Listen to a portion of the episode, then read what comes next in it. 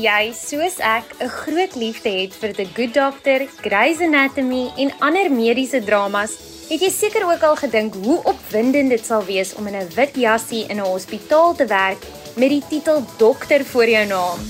Goeienaand en welkom by Kompas net hier op RSG. Ek is Marley van der Merwe en vanaand gesels ons oor 'n beroep wat werklik bloed, sweet en trane verg die hemelhoë akademiese vereistes, sterk kompetisie, klein aantal toelatings, lang werksure en vele ander hindernisse wat oorkom moet word, herinner ons net weer dat hierdie beroep glad nie so glansryk is soos wat die sepies ons laat glo nie.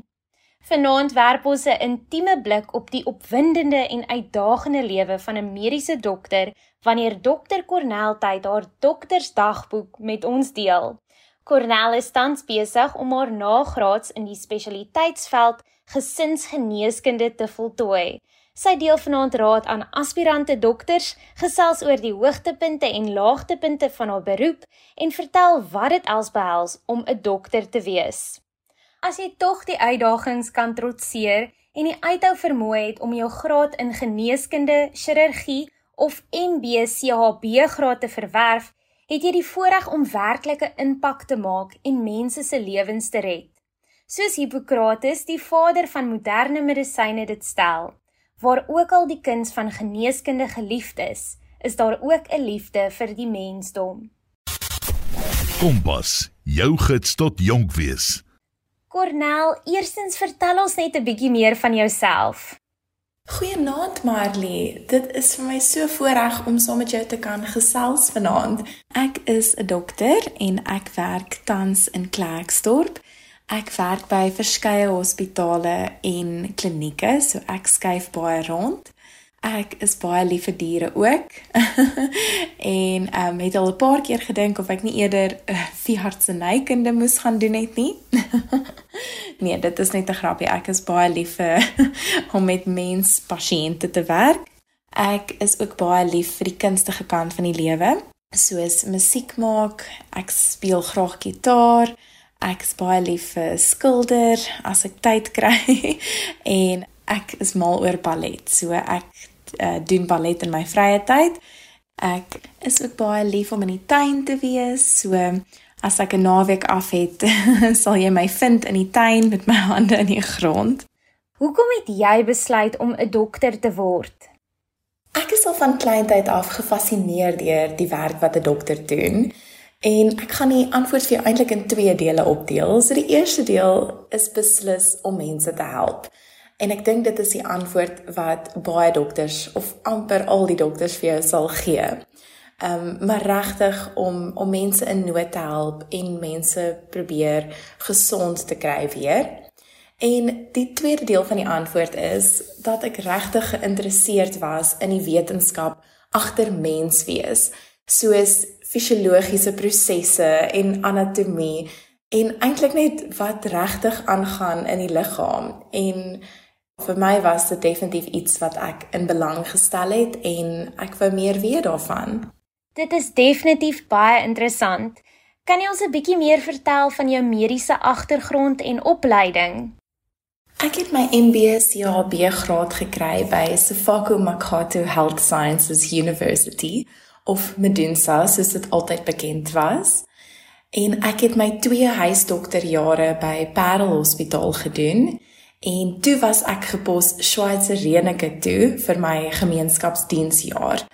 En nou doen ek my nagraadse opleiding by die Universiteit van die Witwatersrand en ek werk tans in Klerksdorp. Cornel, wat is jou spesialisasie of kundigheidsgebied?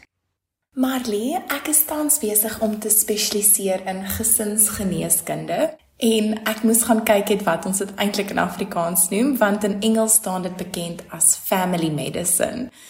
En dit is nie so bekend onder die algemene publiek nie. Wat mense gewoonlik dink is dat dit nog steeds soos 'n algemene praktisyn is. En in baie opsigte is dit baie soortgelyk en die rede daarvoor is dat dit 'n baie breë spesialiteit is. So dis 'n bietjie kontrasterend want dit is 'n spesialiteit in algemene medisyne, maar Wat ons basies doen is ons spandeer ekstra tyd in pediatrie, ginekologie, verloskunde, interne geneeskunde, chirurgie, ortopedie, oorneus en keel, dermatologie, psigiatrie, ehm um, noodgeneeskunde, narkose en HIV en tuberkulose. So ons gaan nou nie noodwendig alles van hierdie spesialiteite weet nie, maar ons spandeer ekstra tyd in hierdie areas om 'n beter idee te hê van hierdie spesialiteite. En die idee van 'n gesinsgeneeskundige is om die druk van die groot hospitale te verlig. En ons hoofdoel is om in die kleiner, afgeleë plekkies te werk sodat ons meer pasiënte kan help sonder om hulle te verwys na die groot hospitale toe.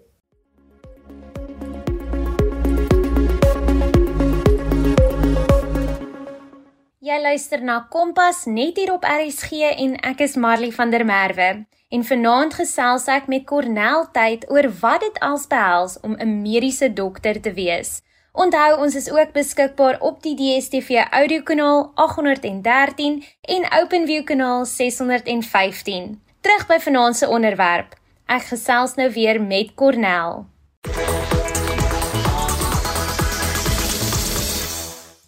Wat is die negatiewe dinge wat met jou beroep gepaard gaan?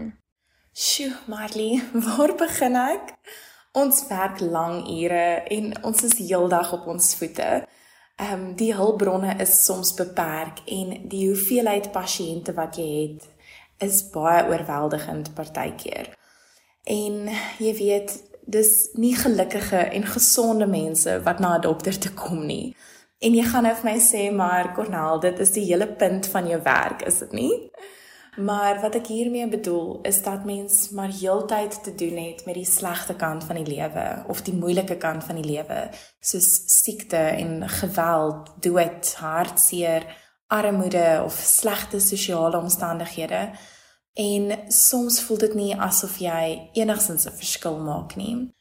Die moeilike tye in my beroep is beslis wanneer mens vir 'n pasiënt 'n ongewenste diagnose moet gee en slegte nuus moet breek.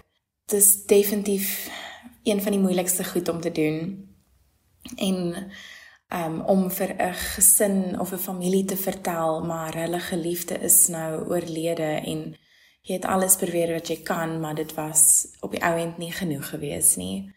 En in daai wil ek sê die moeilikste onder dit is om vir ouers te sê dat hulle kind oorlede is.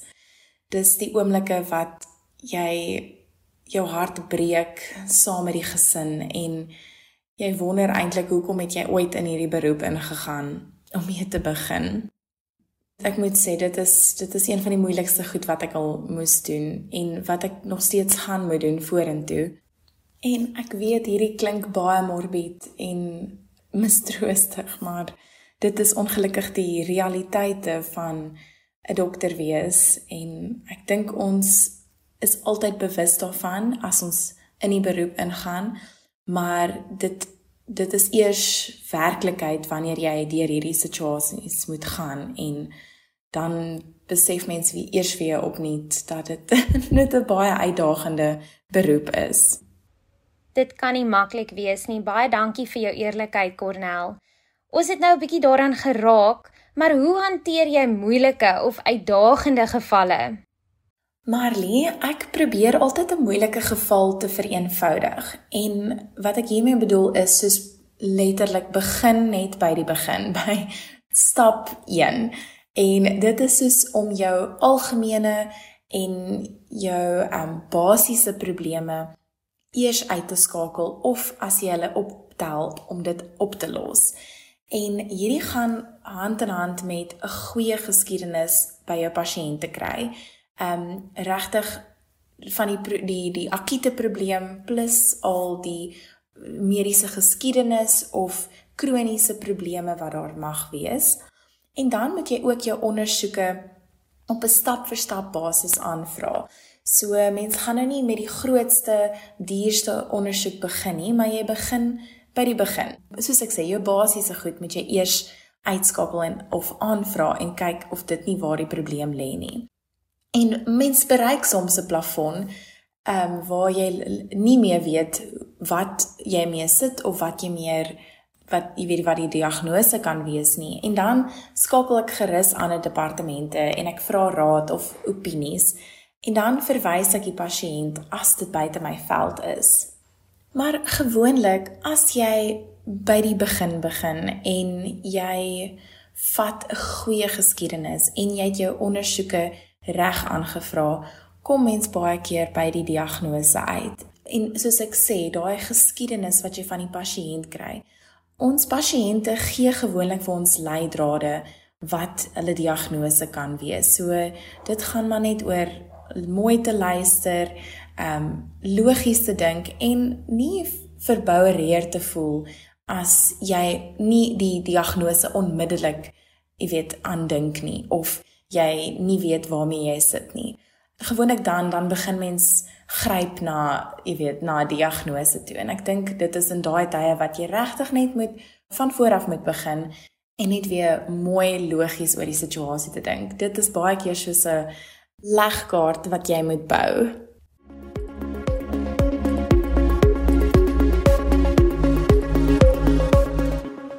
Cornel, hoe hanteer jy noodgevalle of dringende situasies? Sjoe, Marley, noodgevalle. Dis omtrent die kruks van 'n dokter wees.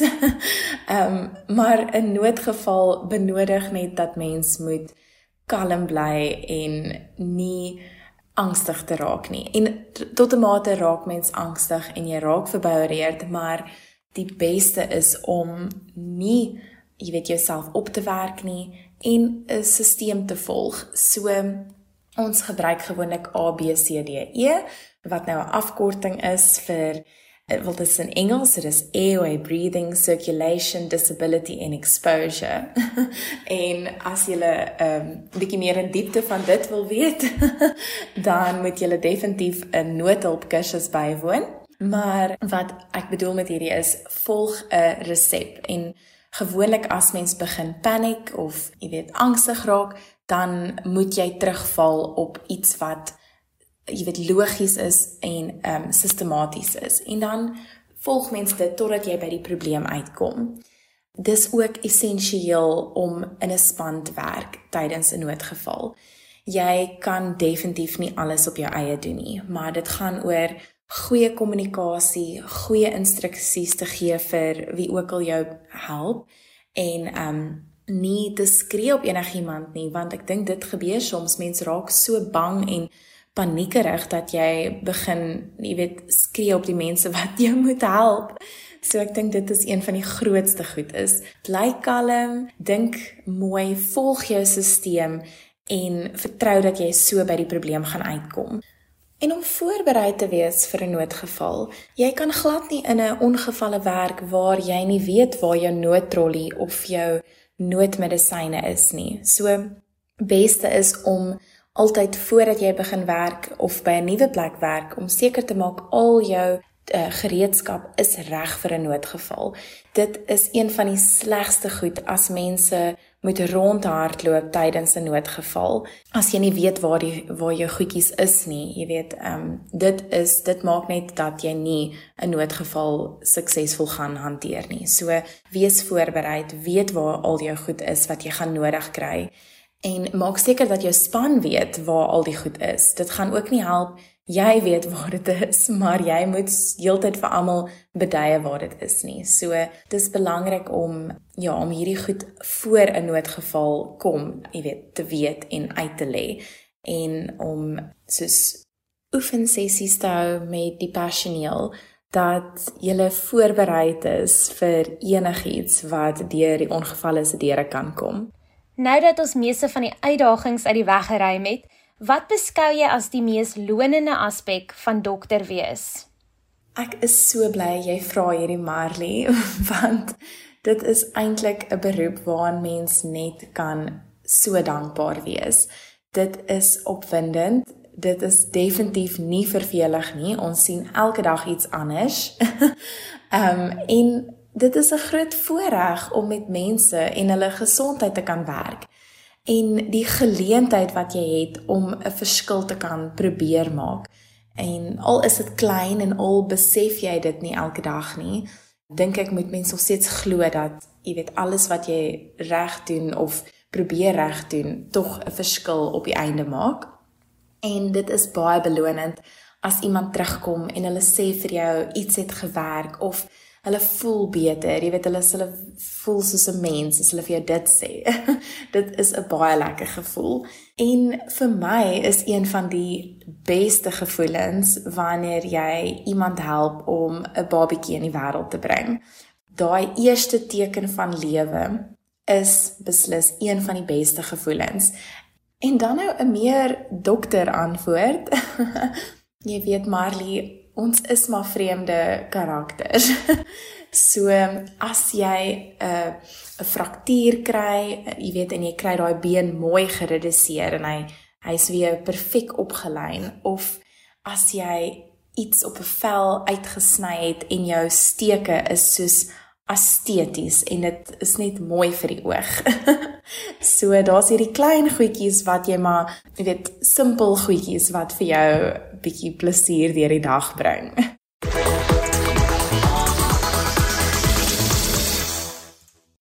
Jy is ingeskakel op Kompas net hier op RSG en ek is Marley van der Merwe. Vanaand gesels ek met Dr Cornel Tyd oor haar opwindende en uitdagende lewe as 'n mediese dokter. Jy kan saam met ons gesels. Wat is jou beste gesondheidsraad wat jy al ooit teëgekom het?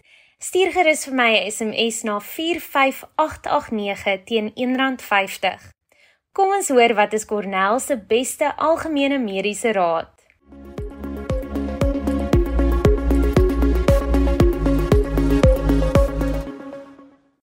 Cornel, wat is jou beste algemene mediese advies wat jy met ons luisteraars kan deel? Marley, ek dink julle ken almal alreeds hierdie antwoord, maar jy het net een liggaam gekry. So probeer so ver as moontlik in die beste belang van jou gesondheid optree. En met hierdie bedoel ek, kyk na wat jy eet, kyk na jou fisiese aktiwiteitsvlak, kry jy genoeg slaap, drink jy genoeg water, kyk na jou gemoedstoestand, vermy rook en gebruik alkohol matig en gebruik sonblok. Al hierdie klink regtig soos 'n klise, maar dis die klein goed en die klein gewoontes wat op die einde 'n groot verskil kan maak. En dit moet van jongs af begin. Jy gaan nie noodwendig probleme raak sien as jy in jou 20s of jou 30s is nie, maar jou gesondheidstoestand in jou jonger jare gaan beslis wys in jou ouer jare. En dit is baie moeilik, nie onmoontlik nie, maar baie moeiliker om skade om te keer wat dalk in jou vroeë jare gedoen is. En ons sien dit baie um, gereeld met ons ouer pasiënte. Dis siektes van van leefstyl. Dit is soos jou hoë bloeddruk, diabetes, uh, hoë cholesterol en dit is alles wat eintlik met leefstyl vermy kon word. Baie dankie dan ook vir daardie raad Cornel. Sou enige van ons luisteraars in jou voetspore wou volg en ook 'n dokter wil word, wat is die stappe wat hulle moet neem? Marley, die universiteite het maar verskillende vereistes. So mense moet mooi gaan kyk by elke universiteit waar jy aansoek doen, wat is hulle spe spesifieke vereistes vir die MBCHB graad? Maar oor die algemeen gaan jy moet vakke hê soos fisiese wetenskap, en lewenswetenskappe en dan nou wiskunde en Engels huistaal of eerste addisionele taal. En jy gaan ook die NBT's moet skryf voordat jy aansoek doen en daai resultate moet saam met jou aansoek ingestuur word.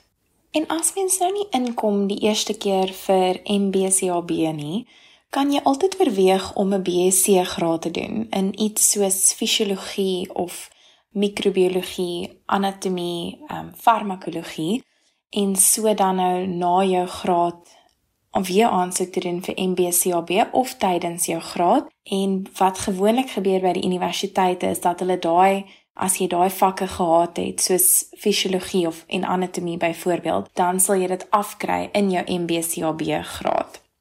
Baie dankie Cornel en op daardie noot Wat is volgens jou die kwaliteite en of eienskappe wat 'n dokter moet besit? Marley, ek gaan begin deur om te sê jy gaan moet 'n hart hê vir mense.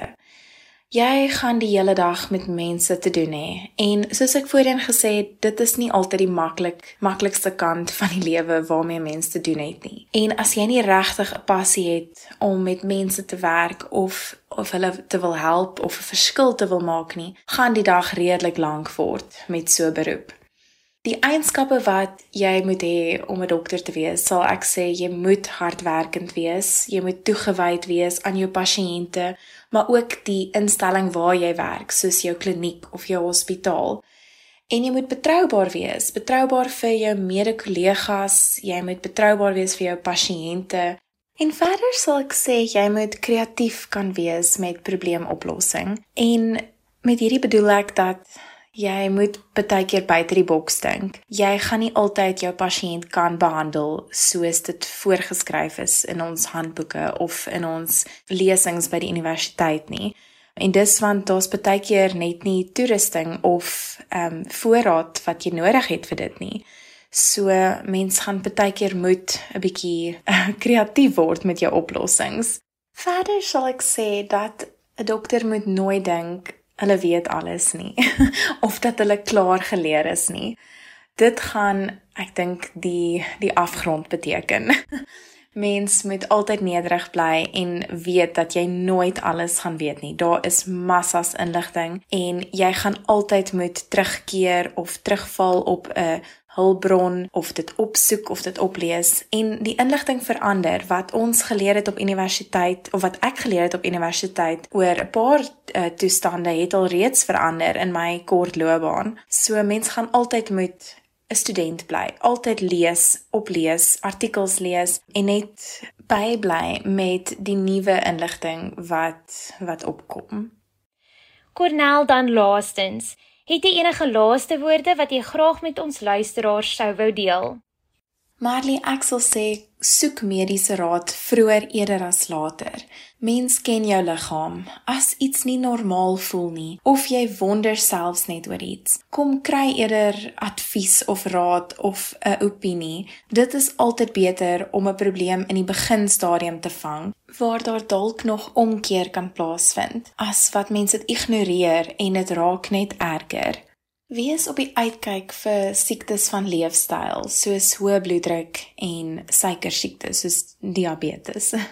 Veral as daar familiegeskiedenis is en ek sal vrouens aanraai om hulle papsmere gedoen te kry en selfs iets soos 'n bors ondersoek by die huis wat hulle kan doen. Um en as daar iets is wat abnormaal voel om te kom en laat ons kyk daarna.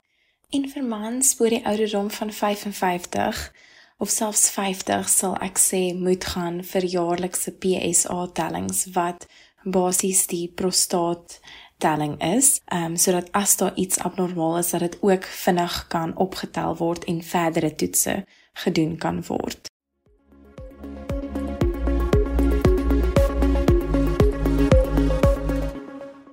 Dit was dan dokter Cornel tyd tans besig om haar nagraads in die spesialiteitsveld gesinsgeneeskunde te voltooi. Sou jy weer na vanaand se program wou luister of graag met iemand wou deel wat daarbey kan baat vind, gaan maak gerus 'n draai op ons webtuiste rsg.co.za.